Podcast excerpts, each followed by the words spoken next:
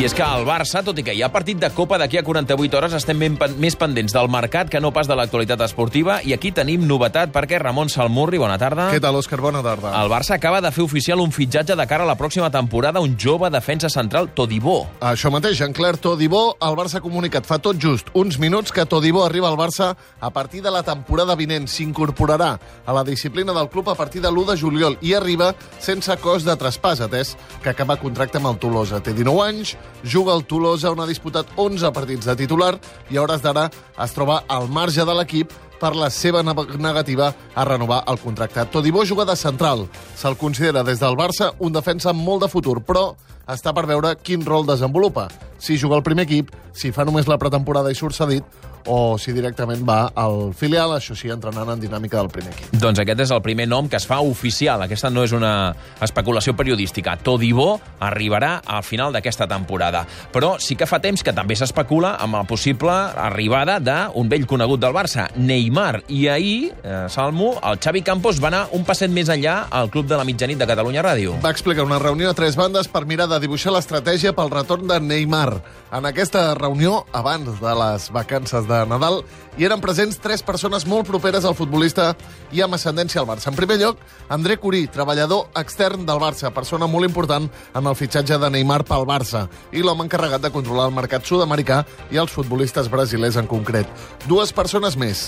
Pini Zahavi, intermediari de futbolistes, un dels més importants del món, de fet, va ser l'intermediari que va portar Neymar del Barça al PSG, un home capdalt en les grans operacions al mercat futbolístic.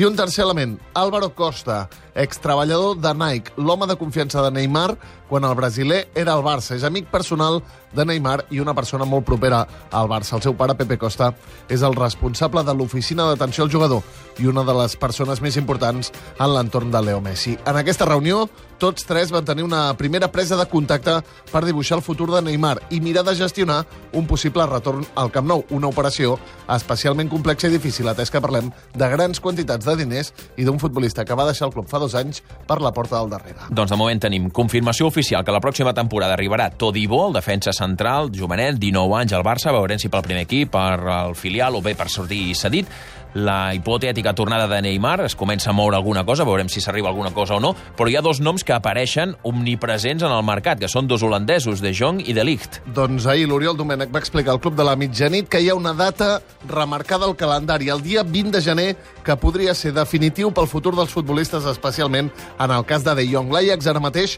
és a Florida, als Estats Units, d'estaix preparant el retorn a la competició, un estaix que acabarà el dia 12, ja que el dia 20 l'Ajax té partit d'Eredivisie contra el Herenfen. Doncs abans d'aquest 20 de gener, abans del partit contra el Herenfen, l'Ajax i Frenkie de Jong volen tenir decidit quin és el futur del futbolista. Volen tenir presa la decisió i tenir clar ja el futur, sobretot encarat a l'eliminatòria de Champions amb el Real Madrid. I encara el Barça, un altre fet oficial, el que passa que en el futbol femení, i és que eh, s'ha acomiadat l'entrenador. El Barça ha anunciat la rescisió del contracte del fins ara entrenador del primer equip femení, Fran Sánchez, del seu substitut, fins a final de temporada serà Luis Cortés, fins ara membre de l'estaf. La presentació es farà demà. Aquesta destitució es produeix el cap de setmana després que el Barça no passés de l'empat amb l'Espanyol i es quedés a 3 punts de l'Atlètic de Madrid. 3 punts de diferència, que són el resultat de 3 empats. Es dona la paradoxa que el Barça, amb la lluita per un títol prioritari complicada, no ha perdut ni un sol partit de Lliga.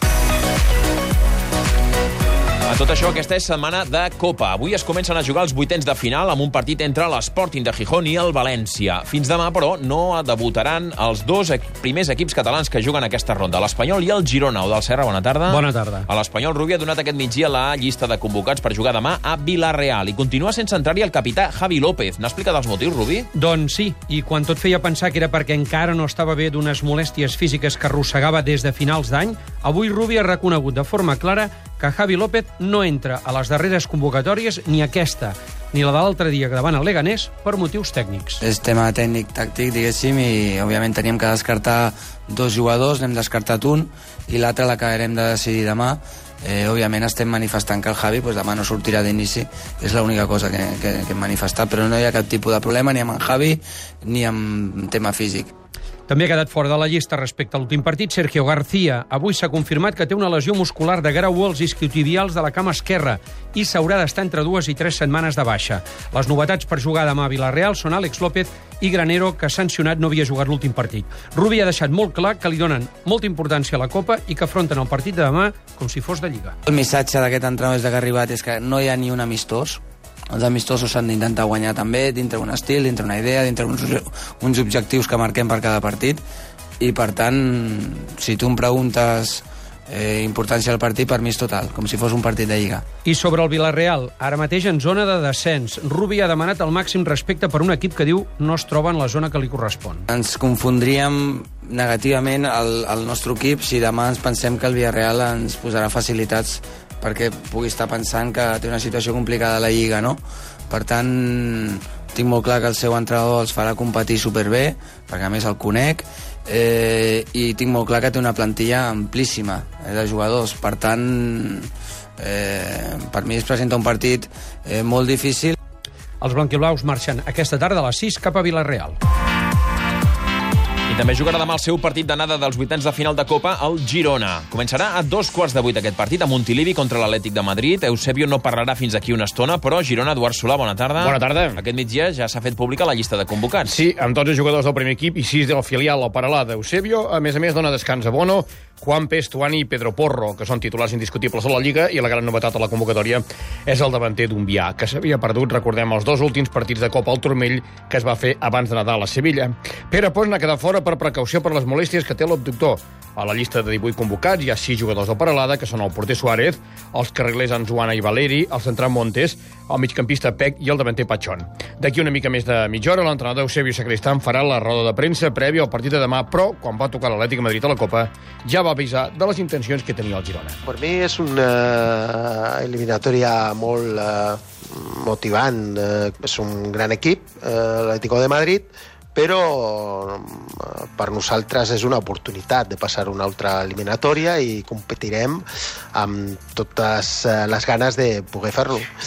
Buscarem la, la millor forma per eh, repartir esforços i que eh, en els partits de Lliga i en els partits de Copa puguem competir amb les millors condicions. El de demà contra l'Atlètic de Madrid serà el primer partit de vuitens de final de la Copa del Rei que el Girona disputarà la seva història. Els partits de Copa de demà, a banda del Girona i de l'Espanyol, també jugarà el Madrid contra el Leganés. Sebas Guim, Madrid, bona tarda. Bona tarda. Avui ha hagut roda de premsa de Solari. Després de la derrota contra la Reial Societat, com ha estat aquesta roda de premsa de Solari? Així és, mira, aquí a Madrid preparen la Copa, però del Leganés rival de demà al Bernabéu se'n parla poc. A Madrid segueixen donant voltes el que va passar diumenge al Bernabéu, en la desfeta contra la Reial Societat. En primer lloc, parlant del VAR. Els blancs se senten perjudicats per un penal sobre Vinícius que ni l'àrbitre ni el VAR van considerar. Diumenge es van queixar públicament Solari, Ramos, Modric i el mateix Vinícius. Avui l'entrenador s'ha repetit i ha assegurat que no té clar com funciona el videoarbitratge. A mí me pasa a veces como espectador que no entiendo el funcionamiento, pero me parece que lo están introduciendo y, y tendrá un tiempo de perfeccionamiento. Claro, en el interín, bueno, a veces nos toca como, como lo del otro día. Que no son quejas, ¿eh? No son quejas, son, es defenderse, ¿no? Defenderse es, es un legítimo derecho. Tot i les trucades per fer pressió de Florentino a Rubiales, president de la federació, el Bar ara mateix és el més petit dels problemes del Real Madrid, un equip que ha començat l'any amb el peu esquerre i que navega la deriva. Aquest migdia, però, Solari ha assegurat que tenen clar què han de fer per superar aquests moments de dificultat. Es importante para nosotros el comienzo de los partidos, iniciarlos concentrados y tratar de, tratar de ser más, eh, más contundentes en, el último tercio, aprovechar las, la, las ocasiones que generamos. I nou capítol obert amb la situació del Reus. Ahir us explicàvem els comunicats dels jugadors i després vam sentir a la nit al tècnic, al club de la mitjanit, eh, Xavi Bartolo, entrenador del Reus, va parlar. Carles Vila, bona tarda. Bona tarda. Xavi Bartolo va mostrar ahir al club de la mitjanit la seva habitual serenor i un to molt moderat. El tècnic roig i negre, que recordem-ho, fa més de 3 mesos que no ha cobrat cap nòmina, és per tant part implicada i durant tot aquest contenciós ha estat una de les poques veus oficials dins del club roig i negre que ha donat explicacions. Primer de tot va reconèixer que no li va agradar el comunicat a més per als jugadors. Home, evidentment no m'ha agradat perquè al final acaba donant la sensació, vist eh, tot el que diu, com si hi hagués un cert distanciament o una mala relació entre la meva persona o, o la resta del cos tècnic i els jugadors, i això no és real. Bartol accepta la rectificació del segon comunicat, com també les disculpes a nivell personal que li van fer arribar alguns dels seus jugadors. Si alguna cosa ha caracteritzat aquest equip amb aquest trajecte tan difícil ha estat que l'harmonia entre tots ha estat molt correcta, per això dic que no he acabat d'entendre massa, sobretot el primer comunicat, i bueno, cal entendre que la rectificació cal donar-la per bona. A Xavi Bartolo li dol que algú pugui arribar a pensar que hi ha mal ambient dins del vestidor pel que fa a la relació entre tècnic i jugadors en una temporada plena d'incidents. Diumenge va criticar durament el sindicat de jugadors després de la victòria a Màlaga, però en cap moment va voler fer-ho amb el comportament i la professionalitat de la seva plantilla. Home, eh, suspendre un partit d'una competició com aquesta no és tan fàcil. Nosaltres, des de la primera jornada al Camp de les Palmes, que teníem 30 fitxers fins, fins a la data actual que en tenim 12, bueno, hem anat oscil·lant entre aquestes 13 inicials, després en vam tenir 7, i ara en tornem a tenir 12, i si és evident que, que amb tot aquest tarannà de, de, de, de 20 partits no s'ha suspès cap partit, és que mm, segurament la federació, que és la que al final acaba prenent la decisió, no, no ha trobat mai motiu suficient. Ahir, amb el cobrament de les nòmines endarrerides a Querol i Olmos, s'ha apagat un nou foc i l'equip pot continuar competint a segona. Bartolo, de fet, és dels pocs implicats en aquesta surrealista i agònica situació al Reus que encara pensa que Joan Oliver, el màxim accionista, trobarà una solució per tirar endavant, com a mínim, fins a final de temporada. Tribimon. Especialistes en quad, ATV i SBS t'ofereix la informació del Rally Dakar. Avui primera etapa llarga, 342 quilòmetres entre Pisco i Sant Juan Marcona. Ricard Isidro, bona tarda.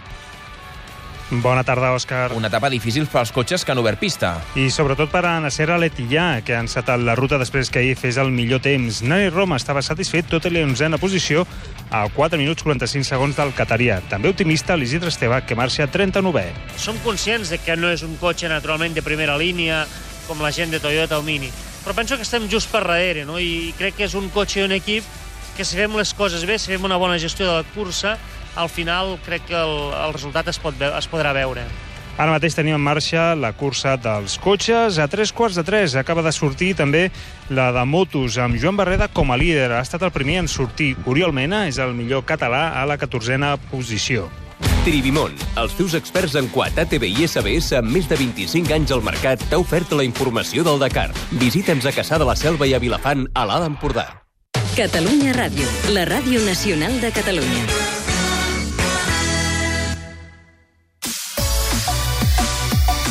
D'aquí a 8 minuts seran les 3 de la tarda. Aquesta matinada han presentat Gerardo el Tata Martino com a nou seleccionador de Mèxic. El Tata ha reconegut a la roda de premsa de presentació que va madurar amb l'experiència que va tenir al Barça, Josep Antona Isa. A Barcelona, el tècnic argentí sempre se'l va discutir. Es va dir d'ell que l'havia dut Leo Messi perquè era nascut a Rosario, igual que ell. Va quedar subcampió de Lliga i subcampió de Copa. Poca cosa en un club que sempre vol guanyar. el salto a Barcelona era demasiado importante y, y había todo un mundo que yo desconocía. El conocimiento de ese mundo que es Barcelona, después venir a la selección argentina, me han, creo, preparado para, para poder enfrentar este reto con mucha más madurez y evidentemente han pasado también unos cuantos años, así que este, eh, creo estar este, mentalmente mucho más preparado para, para este tipo de, de, de trabajo. Ara ha arribat a Mèxic per fer-se càrrec de la selecció azteca. En el seu palmarès també hi ha altres seleccions de màxim nivell, com ara Paraguai o l'Argentina. Lo primero es empezar con, con las visitas en- eh, a los clubes locales. Creo que es lo más importante. Eh, yo no, no he tenido la oportunidad de trabajar en el fútbol mexicano eh, y me parece muy, muy bueno poder conectarme con cada uno de los entrenadores de los, de los clubes locales. L'objectiu, superar els vuitens de final del Mundial 2022 a Qatar. I encara en futbol, Cesc Fàbregas és a Mònaco per passar revisió mèdica i tancar la seva incorporació a l'equip del Principat. Ho ha assegurat el diari francès L'Equip. El migcampista ara pot negociar amb l'equip que vulgui perquè acaba contracte amb el Chelsea d'aquí al mes de juny. De fet, dissabte passat, Cesc Fàbregas podria haver disputat l'últim partit amb el Chelsea. Va ser contra el Nottingham Forest. Era el partit número 500 que disputava el migcampista a la Premier. Fàbregas, amb llàgrimes als ulls, es va endur una gran ovació del públic de Stamford Bridge quan va ser substituït uns minuts abans que acabés el partit. L'entrenador del Chelsea Mauricio Sarri aconsella al català fins i tot que canvi d'aires. In my opinion, uh, he needs to go. Jo crec que Cesc necessita marxar. Sabeu quina és la situació i sabeu les nostres normes. Els jugadors de més de 30 anys no renoven per més d'un any. I ell té una oferta de 3 anys. I no vull un jugador tan important com Cesc descontent. Però aquesta és la meva opinió. La decisió és del club. A Mónaco es trobaria amb Thierry Henry. Catalunya migdia